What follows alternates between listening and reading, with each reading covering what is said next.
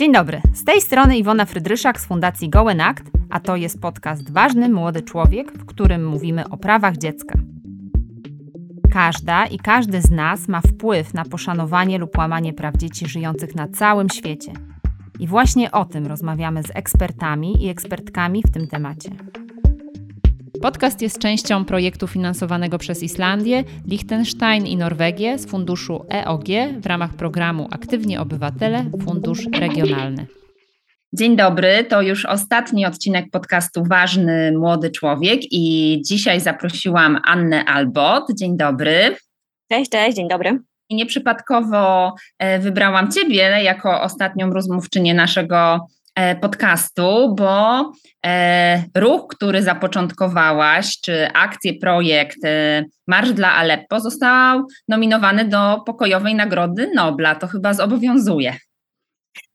No to była, to była wielka rzecz ta nominacja, ale ja miałam bardzo mieszane uczucia co do niej. Taka nominacja to jest oczywiście takie dostrzeżenie przez kogoś, kto się zna na temacie E, na, na taką światową skalę pokazanie tematu, którym się zajmowaliśmy w czasie marszu. Ale ja też czułam, że my wiedzieliśmy, że ten marsz e, miał swoją wartość i znaczenie, i nagle, kiedy rok później cały świat zaczyna o tym mówić nie dlatego, że, że marsz był dobry czy ciekawy, tylko dlatego, że jest nominowany do jakiejś nagrody, to mnie to trochę złościło, muszę przyznać, na początku. E, to pierwsze uczucie. Drugie uczucie to było to, że czułam, że to jest nagroda, na którą zupełnie nie zasługujemy. E, to mogłabym pewnie ci trzy dni opowiadać dlaczego, e, ale, ale tak właśnie było. No ale trzecie uczucie to było, że jednak trzeba wykorzystać ten moment i skoro Polska i świat o tym mówią, to zwróćmy jeszcze większą uwagę na to, co wtedy działo się w Syrii. Zresztą dzieje się cały czas. No i tak, no, i się tak to toczy, że jak jestem przedstawiana, to jestem przedstawiana jako inicjatorka marszu, co e, wiąże się oczywiście z wielką odpowiedzialnością. To jest tak, że ty ruszyłaś e, E, w ten marsz, e, trochę z takiej perspektywy dostrzegając też właśnie tą naszą e, pozycję bardzo uprzywilejowaną w świecie. I w tym naszym podcaście często odwoła, odwoływaliśmy się do konwencji o prawach dziecka. Głównymi gośćmi i główna sytuacja o której opowiadaliśmy, to była sytuacja nasza tutaj w Polsce, a ty pracujesz na co dzień w organizacji E, Minority Rights Groups International i zajmujecie się prawami mniejszości, które tak naprawdę w kontekście globalnym okazuje się w takiej globalnej sprawiedliwości, że wcale nie są mniejszościami, ale są e, większościami. Więc powiedz może o tej pracy i organizacji. To w sumie też na fali tej nominacji do Nobla zostałam zrekrutowana do wspaniałej organizacji, y, która już w tej chwili ma chyba 53 czy 54 lata E, Minority Rights Group zajmuje się mniejszościami etnicznymi, językowymi i religijnymi na całym świecie. Mm, to jest, to jest bardzo wiele grup, nie, nie, nie, nie, nie potrafimy powiedzieć ile nawet na całym świecie. E, to się też zmienia, różne grupy same określają się jako mniejszości, czasami się to zmienia i przestają się w ten sposób określać.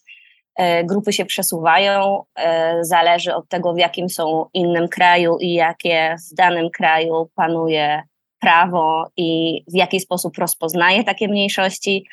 Mm, ja pracuję w teamie komunikacyjnym, e, czyli jestem w kontakcie z pewnie 200 społecznościami na całym świecie w tej chwili. Pracujemy z Romami ukraińskimi, pracujemy z Masajami w Kenii, pracujemy z uchodźcami w Europie, bo to też są te nowe mniejszości. To jest temat niekończący się. E, I na czym polega Wasza praca e, w dziale komunikacyjnym? Bo to jest tak, zakładam, że właśnie staracie się, żeby te prawa tych mniejszości wybrzmiewały w mediach mainstreamowych. To jest taka ważna, ważne jest podejście tej organizacji e, właśnie do naszej pracy. E, te 53 lata temu było dwóch e, założycieli organizacji, którą zna cały świat, czyli organizacji Amnesty International. Natomiast jeden z nich, David Astor, który właśnie chwilę później założył organizację maleńką siostrę Minority Rights Group International, on wyszedł z założenia, że ten przywilej, o którym przed chwilą mówiłaś, e, to nie jest tylko przywilej, żeby krzyczeć o sprawach na całym świecie, ale też, żeby dać tym sprawom, żeby krzyczały same za siebie. To znaczy, że e, e, nie, niekoniecznie mamy być e, tym takim megafonem tego, co się dzieje, my, jako no, na przykład Polka, Europejka, Ania, która mówi w kilku językach, ale ja mam sprawić, że ten świat usłyszy głos tej Masajki w Kenii w jej własnym języku i w jej własny sposób, w jaki ona chce to wyrazić. E, my w MRG lubimy o sobie mówić, że jesteśmy bardziej takimi inżynierami dźwięku i próbujemy ten system dźwiękowy świata troszeczkę prze, prze, przestroić, e, żeby tam te głosy były, by, były dużo bardziej słyszalne. No i na czym polega moja praca? Ja, e, będąc w kontakcie z tymi różnymi społecznościami, jeżdżąc, odwiedzając je, pracując nad projektami w tych różnych kawałkach świata, dla mnie najważniejsze jest to, żeby o tym, co tam się dzieje, o tym, co u nich się dzieje i jak się dzieje i jak oni widzą świat, słyszało więcej osób. Czyli na przykład prowadzę e, projekty z, dla dziennikarzy międzynarodowych. E, robimy dla nich takie treningi o tym, w jaki sposób pisać, czy, czy, czy, czy pokazywać, czy mówić o mniejszościach na całym świecie. Sama też jesteś dziennikarką i piszesz, więc czy łatwo jest właśnie taką perspektywę e, mniejszości e, zawrzeć w Twoich artykułach, że, że one są potem faktycznie akceptowane przez redaktorów, czy to jest ciągle e, trudna praca dziennikarza, żeby to wszystko, co napisałaś, znalazło się potem w gazecie czy, czy w mediach, do których piszesz? To jest trudne z dwóch powodów. E, po pierwsze, te tematy o grupach dyskryminowanych to nie są takie klikalne tematy, jeśli, jeśli nie jest to jakiś skandal czy, czy, czy wielka tragedia. Czyli nie są za bardzo chciane, nie są dobrze widziane, szczególnie w jakichś tam mainstreamowych mediach. jeżeli, nie wiem, mówimy teraz e, w, przy, przy okazji wojny o ukraińskich Romach, którzy przybywają do Polski i do Europy, no to załóżmy, można taki jeden tekst opublikować, ale jeżeli chcemy opublikować następny, bo sytuacja się zmienia, no to redaktor już wtedy powie, no ale przecież już o tym było. Yy, I to jest taki jeden problem. Natomiast drugi, czyli czy, czy publikować, yy, natomiast drugi problem to jest jak, w jaki sposób mówić i pisać. Wiemy, że w tych czasach, szczególnie e, mediów internetowych, wszystko jest dobrze przeliczane, co się klika, co się nie klika e, i media lubią publikować takie rzeczy, które się klikają. Natomiast ja e, bardzo wierzę w media, w dziennikarzy, którzy chcą mówić i pisać o tym, co uważają za ważne. A to często nie idzie w jednej linii. Y, ja bym chciała mówić o tych tematach ważnych, trudnych. O nich nie da się mówić krótko. Im trzeba poświęcić więcej czasu. Trzeba wytłumaczyć skąd, dlaczego, po co, jakie są przyczyny tej czy innej dyskryminacji, żeby pokazać szerszy obraz, żeby ludzie byli w stanie zrozumieć konsekwencje różnych zachowań, czy, czy, czy na przykład ruchów migracyjnych. A na to jest mało przestrzeni. Więc to jest, y, to jest praca, to jest proces. Y, widzę na przykład prowadząc te treningi dla dziennikarzy w całej Europie, y, ile oni energii muszą wkładać w to, nie żeby zrobić takie materiały, ale żeby właśnie pchnąć je dalej i szerzej. Dlatego duża część mojej pracy to nie jest praca z dziennikarzami tylko, ale też właśnie z redaktorami naczelnymi i wydawcami, organizujemy takie na przykład okrągłe stoły, żeby rozmawiać z nimi i e, tłumaczyć im, dlaczego to jest ich odpowiedzialność, żeby takie tematy były jednak na pierwszych stronach też.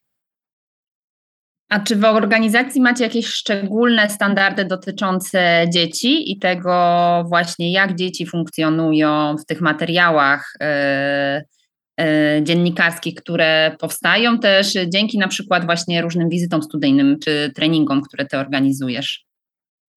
Tak, e, tak. No dzieci to jest jeszcze dodatkowo e, wyjątkowa grupa. W ogóle, jeżeli mówimy o mniejszościach, e, jeżeli mówimy o migracjach, to to są sytuacje dla ludzi z tych grup dyskryminowanych bardzo trudne. To znaczy, wyobraźmy sobie takiego ukraińskiego Roma, który właśnie musi uciekać z Ukrainy i jedzie przez Polskę, w Polsce mu na przykład źle jedzie dalej do Belgii. E, ten czas, kiedy on jest uchodźcą, to jest czas, który, którego on nie będzie chciał pamiętać. To znaczy, to jest, to jest czas, wszyscy chcielibyśmy, żeby ten czas na przykład bycia uchodźcą był jak najkrótszy. Żeby to, co, to, co nas e, identyfikuje, że to, to, to nie było to nasze uchodźstwo. E, czyli, czyli już jakąkolwiek osobę w drodze E, fotografowanie tej osoby, czy przedstawianie jej w mediach, to jest wrzucanie jej do takiego pudełeczka uchodźca. Chociaż ta osoba ma przecież wiele bardzo różnych tożsamości. Do tego, jeżeli dodamy to, że to jest na przykład Rom, który i w Ukrainie już był dyskryminowany, i w Europie Romowie to jest grupa etniczna najbardziej dyskryminowana, no to znowu wrzucamy tą osobę do pudełeczka Rom, gorszy rodzaj człowieka dyskryminowany. I wtedy tak, jeżeli na przykład fotograf czy dziennikarz uchwyci taki moment człowieka w drodze, to to jest ten moment, o którym zazwyczaj taka osoba chciałaby w przyszłości zapomnieć. Może on by chciał być pokazywany w mediach jako na przykład, nie wiem, młody lekarz w tej Belgii za parę lat. I tutaj wracam do tych dzieci, bo z dziećmi jest jeszcze większy problem. E, Dzieci oczywiście, y, jeśli są pod opieką rodziców, to dobrze. Często zdarza się, że nie są pod opieką rodziców, że są albo same, albo z jakimiś tymczasowymi opiekunami, czyli no nie funkcjonują samodzielnie, są, są widziane przez pryzmat tych już często dyskryminowanych rodziców. Dzieci dyskryminowanego rodzica są dyskryminowanymi dziećmi. Y, i wtedy znowu uchwycenie ich w takiej sytuacji trudnej, smutnej, nie wiem, zmęczone, brudne, niewyspane, śpiące na ulicy, to jest uchwycenie tego najsmutniejszego, najstraszniejszego momentu dla nich w życiu. I wiem, że taka okładka na przykład może zyskać popularność, yy, że taka okładka może być odzwierciedleniem tego, co się dzieje właśnie na świecie, może być prawdą. Z drugiej strony, Y, to dziecko na zawsze zostanie w tym pudełku tego, tego smutnego, na przykład zmęczonego uchodźcy, łatka uchodźcy w drodze. Y, my w MRG mamy y, takie, tak, takie ustalenia, że na przykład publikując raporty, publikując jakieś materiały, w ogóle nie korzystamy ze zdjęć, na których są dzieci. To jest, to jest taka no, bardzo jasno postawiona granica. E, dopiero od 18 roku życia można e, podpisać papierek, że zgadzam się na ten moment być na zdjęciu. Ten, tą zgodę można też w każdej chwili wycofać. No właśnie, też odnośnie tych pogłębionych materiałów, o których mówiłaś przed chwilą, czyli, czyli wracając do tego pytania wcześniejszego przed dziećmi, też razem z Karolem Grygorukiem prowadzisz taki dłuższy projekt. Więc powiedz, na ile właśnie udaje się Tobie przyciągnąć widzów i widzki na przykład na wystawy już bardziej pogłębione, czy reportaże, które, e, które też wymagają dłuższego czasu, ale też dłuższej przestrzeni, potem e, większej przestrzeni w mediach. Więc na ile widzisz, że, że ta droga prowadzi do nowych odbiorców, a na ile ciągle to jednak trafia do takiej naszej bańki osób już przekonanych, które, które gdzieś tam znają temat i, i chcą go pogłębić? Mm, temat migracji jest tematem, którym świat się interesuje coraz bardziej. E, ja widzę ogromną różnicę, e, no nie wiem, 2015-16 roku, kiedy, kiedy pisałam o uchodźcach przybywających do Grecji, potem do Berlina, w którym mieszkam i, i dalej do Europy Zachodniej. To na przykład dla polskiej publiczności, dla polskich czytelników, to był jednak bardzo abstrakcyjny temat. Mm, gdzieś daleko. Wiadomo, że czytamy, interesujemy się bardziej rzeczami, tematami, które są bliżej, które nas dotyczą. No tutaj to taka prosta psychologia wjeżdża, prawda? Jeżeli nigdy nie spotykamy Syryjczyka i nie mamy szans go spotkać w Polsce, bo Polska nie przyjęła żadnego Syryjczyka w 2015 roku, e, nasze dzieci nie spotkają małego Syryjczyka w szkole, no to w ogóle po co o tym czytać? E, a teraz w tych ostatnich latach, szczególnie od zeszłego roku, kiedy e, uchodźcy zaczęli przechodzić też polsko-białoruską granicą, nagle Polska stała się też krajem migracyjnym, najpierw przez białoruską granicę, potem w związku z Ukrainą. I po prostu nie ma takiej możliwości, żeby polskie media o migracji nie mówiły i nie pisały. To jest temat bardzo aktualny. Chcemy wiedzieć, skąd uchodźcy przychodzą, przyjeżdżają, przylatują, dlaczego. Um, mnie to cieszy, to znaczy nie cieszy mnie to, że Polska stała się krajem migracyjnym, ale cieszy mnie to, że Polska zdała sobie sprawę, że to nie jest temat hen daleko, gdzieś odległy, gdzieś jakieś zmiany klimatyczne się dzieją i gdzieś jacyś uchodźcy dochodzą, e, ale że to jest nasza rzeczywistość. I tak jak kiedyś w Polsce była garstka dziennikarzy, którzy pisali o migracji, tak teraz w zasadzie każde media muszą pisać i mówić o migracji, bo, bo dotyczy to, to, to nas wszystkich i w dużych miastach, i w maleńkich miastach.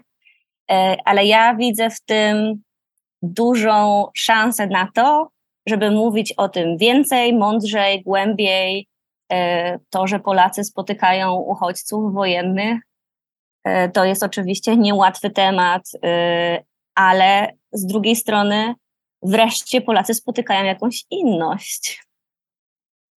A jak e, wyglądają po roku? Rok temu też właśnie nagrywałam jeden z pierwszych odcinków e, o sytuacji na granicy polsko-białoruskiej z Agatą Ferenc, aktywistką, e, która regularnie jeździ i związana jest z Fundacją Ocalenie. Jak po roku w kontekście też eskalacji wojny w Ukrainie, no właśnie, wygląda opisywanie rzeczywistości migrantów z, z, Ukrainy, uchodźców z Ukrainy, a osób, które przekraczają granicę polsko-białoruską? To jest ogromnie, ogromnie trudny temat, bo sytuacją na granicy białoruskiej prawie nikt, szczególnie z tych międzynarodowych mediów, się w tej chwili nie interesuje. E, myślę, że to nie wynika nawet z, samej, z samego faktu tego, że Ukraina i temat ukraiński przykrył wszystko, Myślę, że to wynika z tego, że tak to jest z pisaniem o długo, długoterminowych kryzysach, że po prostu dziennikarzom jest bardzo trudno przekonywać redaktorów, żeby znowu dali przestrzeń danemu tematowi. Ja dopiero co parę dni temu prowadziłam takie spotkanie właśnie dla kilkudziesięciu międzynarodowych dziennikarzy o sytuacji na polsko-białoruskiej granicy. I oni mnie wszyscy wypytywali, no dobra, ale co my mamy tym redaktorom powiedzieć? Czy coś jest naj, czy nie wiem, coś się wydarzyło takiego nowego, że nie wiem, czy, czy, czy, czy jakaś inna grupa, jakieś inne grupy etniczne czy religijne przechodzą? E, czy może jest jakiś nowy sposób podkopywania tego płotu, czy skakania górą? Czy, czy polska granica jest w czymś naj w porównaniu z innymi europejskimi granicami? E, mnie z punktu widzenia prawoczłowieczego, ale też takiego moralnego, e, no mnie to szokuje, bo myślę sobie, że jeżeli rok temu dziennikarz czy dane medium było zainteresowane sytuacją na białoruskiej granicy i jesteśmy teraz rok później, kilkanaście śmierci później, nic nie zmieniło się na lepsze, to to jest jeszcze większy temat, jeszcze ważniejszy temat. E, ja nie potrzebuję wymówki, żeby o tym pisać czy mówić, bo to sa samo przez się tłumaczy się, że, że o tym trzeba mówić albo i krzyczeć. Um, natomiast tak, wiesz, z aktywistycznego punktu widzenia, no to sytuacja na białoruskiej granicy jest dużo trudniejsza, bo po prostu od końca lutego um, straciliśmy nie tylko no, zainteresowanie mediów, czy nie wiem, funduszy, ale też rok do pracy. E, bardzo wiele osób e, zmęczonych i fizycznie, i psychicznie pracą na białoruskiej granicy zaangażowało się w pomoc Ukrainie, czy na granicy, czy jeżdżąc po Ukrainie i, i przewożąc ludzi, czy przy, przywożąc pomoc humanitarną, e, bo to jest, tak to powiem, nie chcę, żeby to źle zabrzmiało, ale to jest łatwiejsze. To znaczy, jeżeli w jednym miejscu pomoc jest kryminalizowana, żeby dotrzeć do osoby w potrzebie, trzeba na przykład iść e, nocą przez zimny las i, no nie wiem, ryzykować łamaniem nogi i e, spotkaniem kogoś w tragicznym stanie, to są bardzo trudne spotkania, a z drugiej strony można jechać swoim własnym samochodem na ukraińską granicę i e, witać ludzi z uśmiechem i e, z otwartymi ramionami i bez żadnego problemu na przykład zaprosić kogoś do swojego domu, bo to jest legalne i widziane jako legalne i widziano jako dobre, to jest to prostsze, a y, tak, tak mamy jako ludzie, że lubimy widzieć efekt naszej pomocy. I tutaj z, z, tematem Ukrainy jest to dużo prostsze. Ja, ja to, broń Boże, y, nie oceniam, to znaczy to jest, ja, ja to bardzo dobrze rozumiem.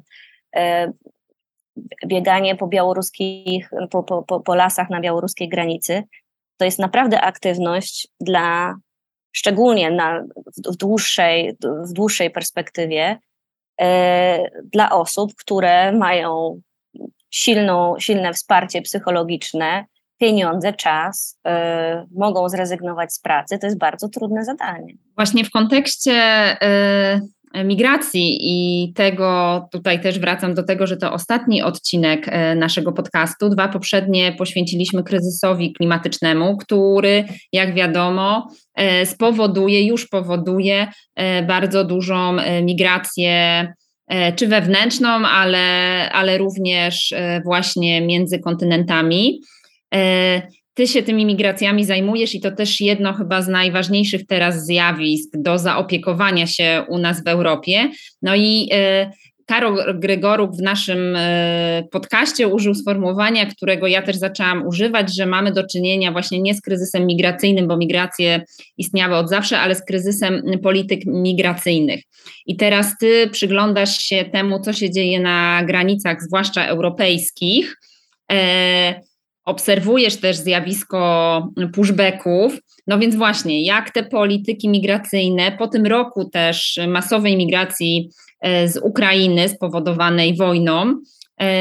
E, jak one się kształtują? Czy jest jakaś nadzieja? Czy z jednej strony mówimy o pięknych konwencjach, podstawach prawnych, e, bo cały ten podcast też jest poświęcony konwencji o prawach dziecka, która no jest wspaniałym dokumentem, ale jak to się ma do rzeczywistości? Unia Europejska też mówi o wspaniałych wartościach, ale ciągle my jesteśmy tymi uprzywilejowanymi, którzy siedzą sobie w bezpiecznych warunkach, no a mamy właśnie E, grupę ludzi, e, większość tego świata, która boryka się z ogromnymi wyzwaniami spowodowanymi często też przez nas. No właśnie, e, super, że właśnie tak zakończyłaś to pytanie, bo to jest dlatego to jest nasza odpowiedzialność, nie tylko z ludzkiego punktu widzenia, żeby, żeby wspomóc osoby, które są w gorszej sytuacji, ale bardzo często my jesteśmy przyczyną tych problemów gdzieś tam, czy w Afryce, czy w jakichś, nie wiem, fabrykach w Bangladeszu. Ja, ja patrzę na, na, na, temat migracji i też tych migracji spowodowanych e, zmianami klimatycznymi jako na coś dosyć normalnego. Znaczy, migracje od zawsze były e, i są i będą.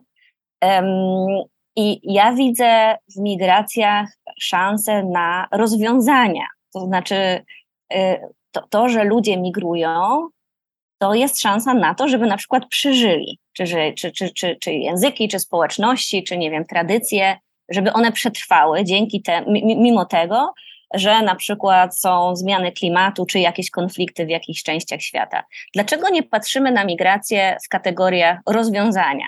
Dlaczego widzimy w tym problem? To jest, to jest kwestia podejścia. Yy, I to jest wszystko yy, bardzo upolitycznione. To znaczy, yy, kraje, politycy na całym świecie od zawsze wykorzystywali migrację w sposób polityczny, czasem pozytywnie, czasem negatywnie, bo czasem można na tym coś ugrać, czasem można pokazać wyborcom swoją fajną twarz, e, a czasem można ich zastraszyć, znaleźć jakiegoś takiego wyimaginowanego wroga, przed którym dany rząd cię obroni. To jest, to jest tylko polityka. To znaczy, można, można patrzeć na dziesiątki przykładów na całym świecie, że czasami nawet ten sam rząd zachowywał się promigracyjnie, a za parę lat, jak, jak mu bardziej pasowało, antymigracyjnie. I to jest coś, czego, to, to, jeden z tych tematów, które, na, które, na który w mediach nie ma tyle przestrzeni, żeby to wyjaśniać. Tak? Patrzę choćby na Polskę. 20 e, lat temu, 20 lat temu, nie wiem, 80 tysięcy Czeczenów przyjechało do Polski, czyli y, muzułmanów, inny język, inna kultura. Czy Polska to w ogóle zauważyła? Czy w ogóle było na ten temat jakakolwiek rozmowa? Nic się nie wydarzyło, nic się złego nie stało. Potem 2015 ani jednego Syryjczyka Polska nie przyjęła, mimo tego, że y, wojna w Syrii była czymś, y, o czym wszyscy wiedzieli i mówili. Wszystko to jest kwestią polityczną. Y, na granicy z Białorusią stoi mur, mimo tego, że zupełnie nic nie daje. Ludzie tak jak przechodzili, tak przechodzą.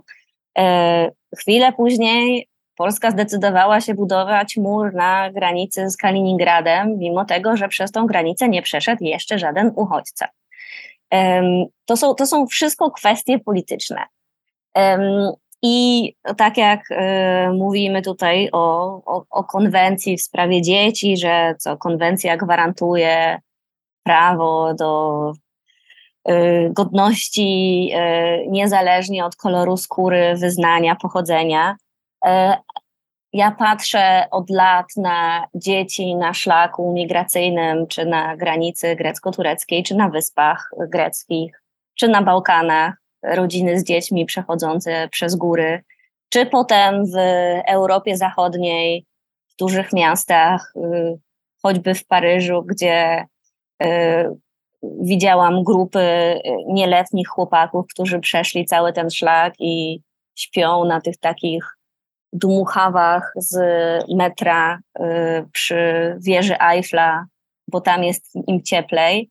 I myślę sobie, że e, te konwencje i te, te wszystkie górnolotne zwroty o prawach człowieka w Europie, to tak, e, mają miejsce, ale tylko jeśli chodzi o prawa człowieka i prawa dziecka europejskiego. Natomiast jeżeli mówimy o jakichś innych osobach czy dzieciach, no to ten temat wygląda zupełnie inaczej. E, spotkałam na swojej drodze dziesiątki, jeśli nie setki dzieci e, w obozach w Europie, rozdzielonych od rodziców, e, żyjących w strasznych sytuacjach. Już nie, nie mówię nawet o tam dostępie do edukacji, szkoły, do tych wszystkich instytucji, o których przecież w konwencji jest bardzo dużo paragrafów. Nie oszukujmy się, mówimy tutaj o dzieciach europejskich.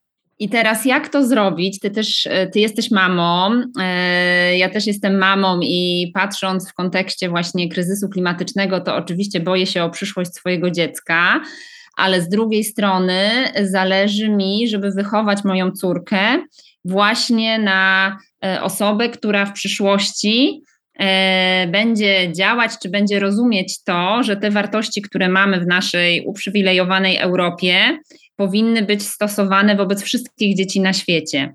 I czy jakie są Twoje praktyki w Twoim rodzicielstwie, właśnie, żeby, e, żeby starać się e, wychowywać dzieci, które to rozumieją, tak jak my?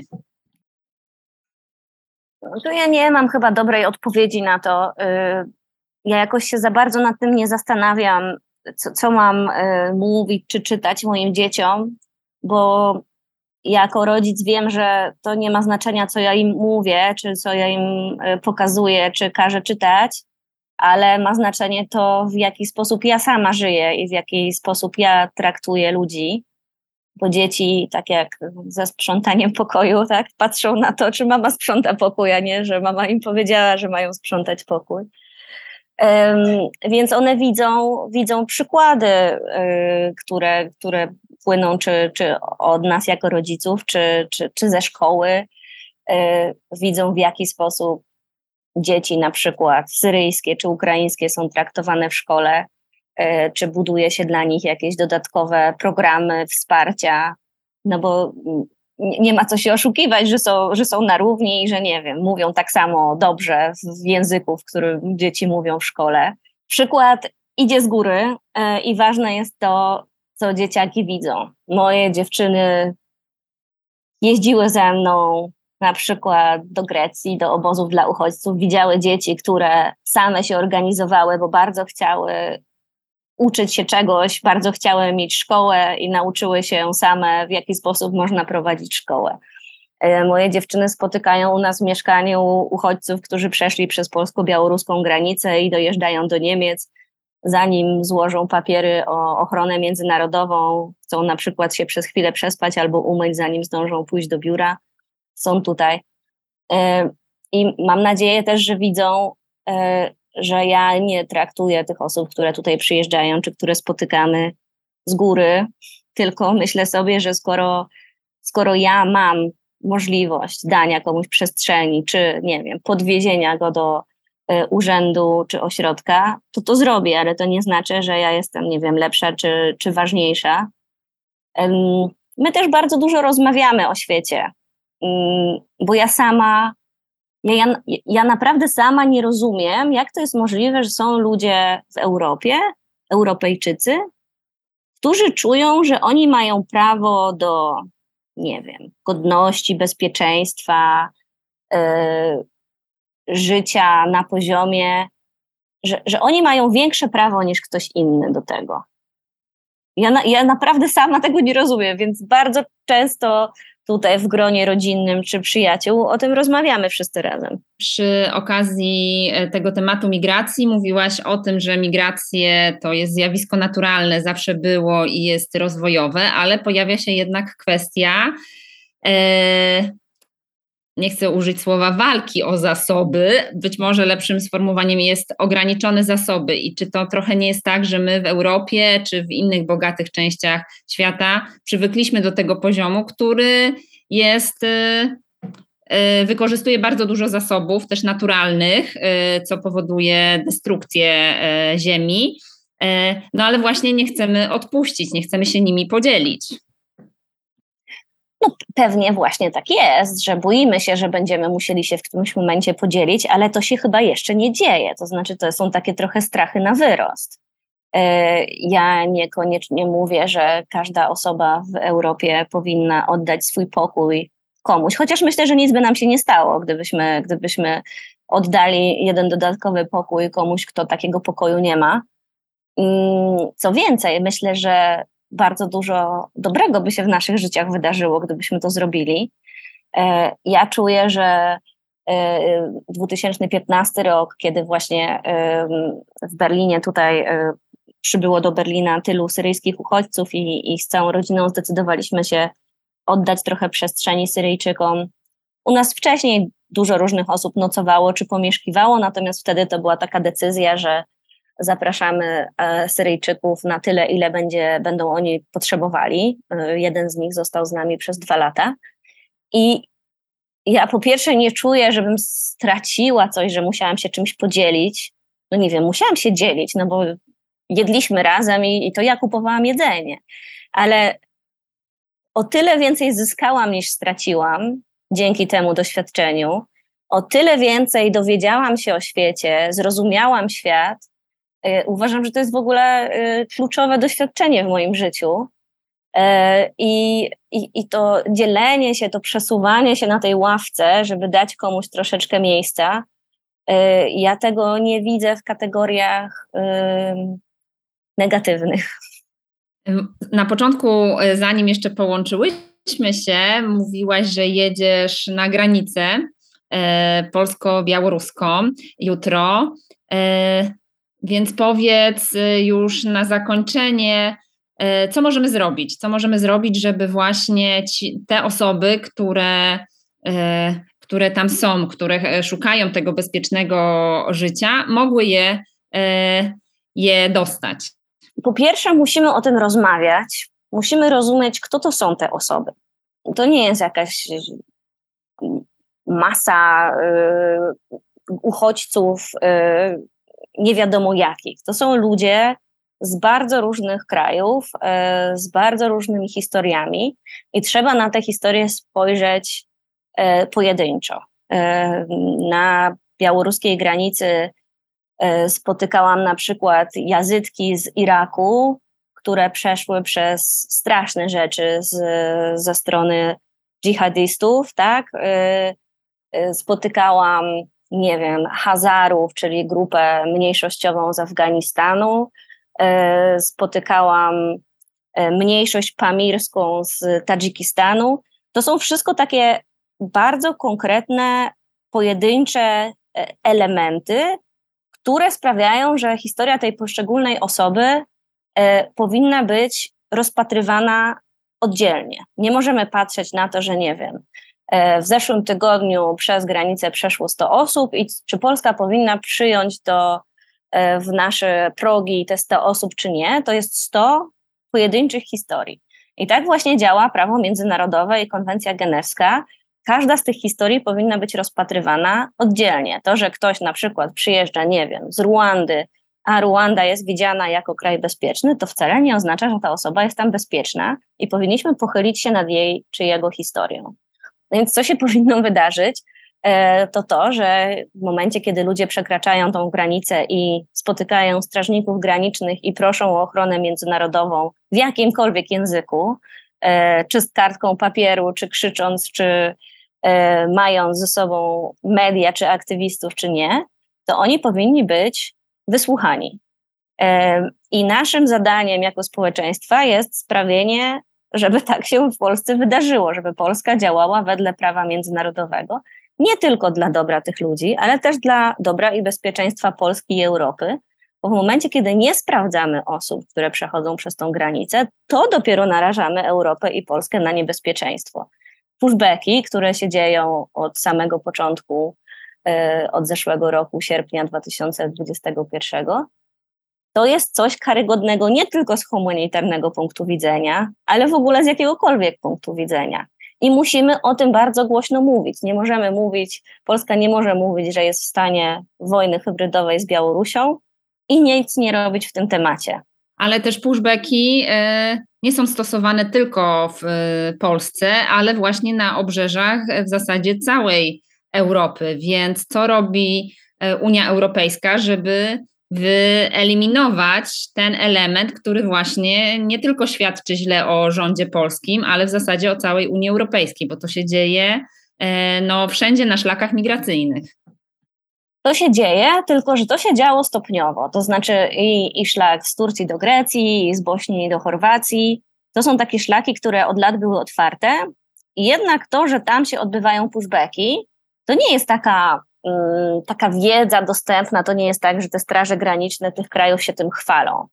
Y, są grupy aktywistów na tych granicach, które próbują coś dokumentować, za każdym razem, jak im się uda, to jest jednak duży, ważny case.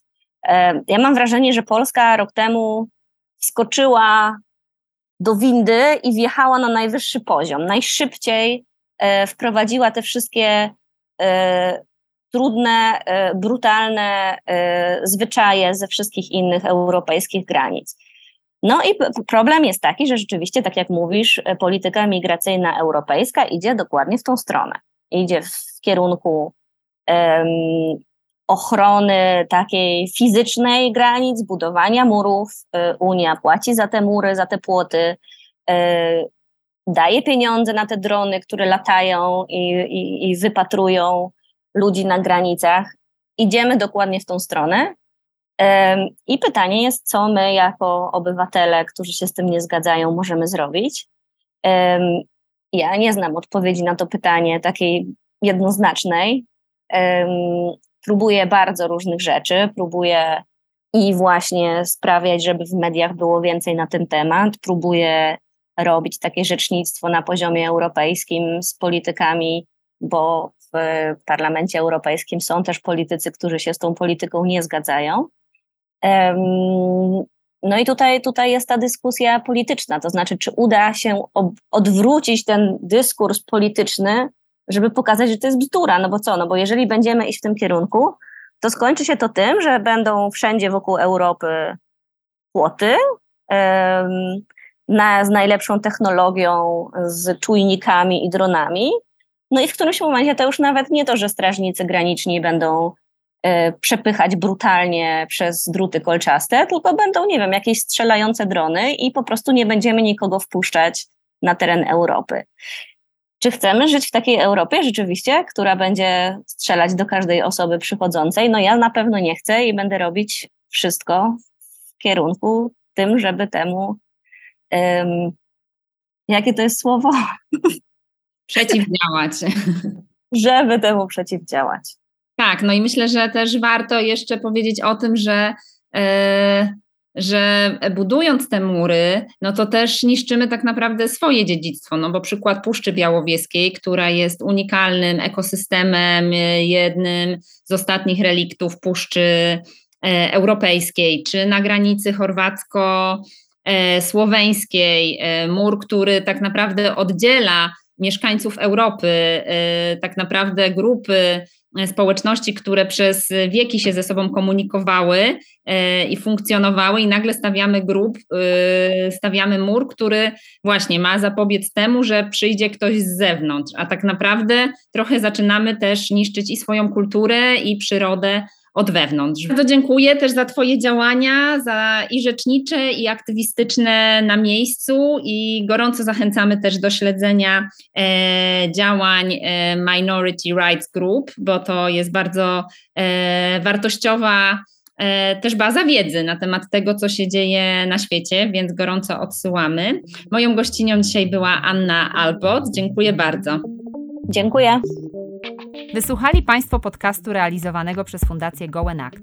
Prowadzimy w niej działania z zakresu praw dziecka, edukacji dla pokoju i integracji społecznej. Serdecznie zachęcamy do wsparcia nas na Patronite oraz do zakupu w naszym internetowym sklepie charytatywnym na dobrą sprawę.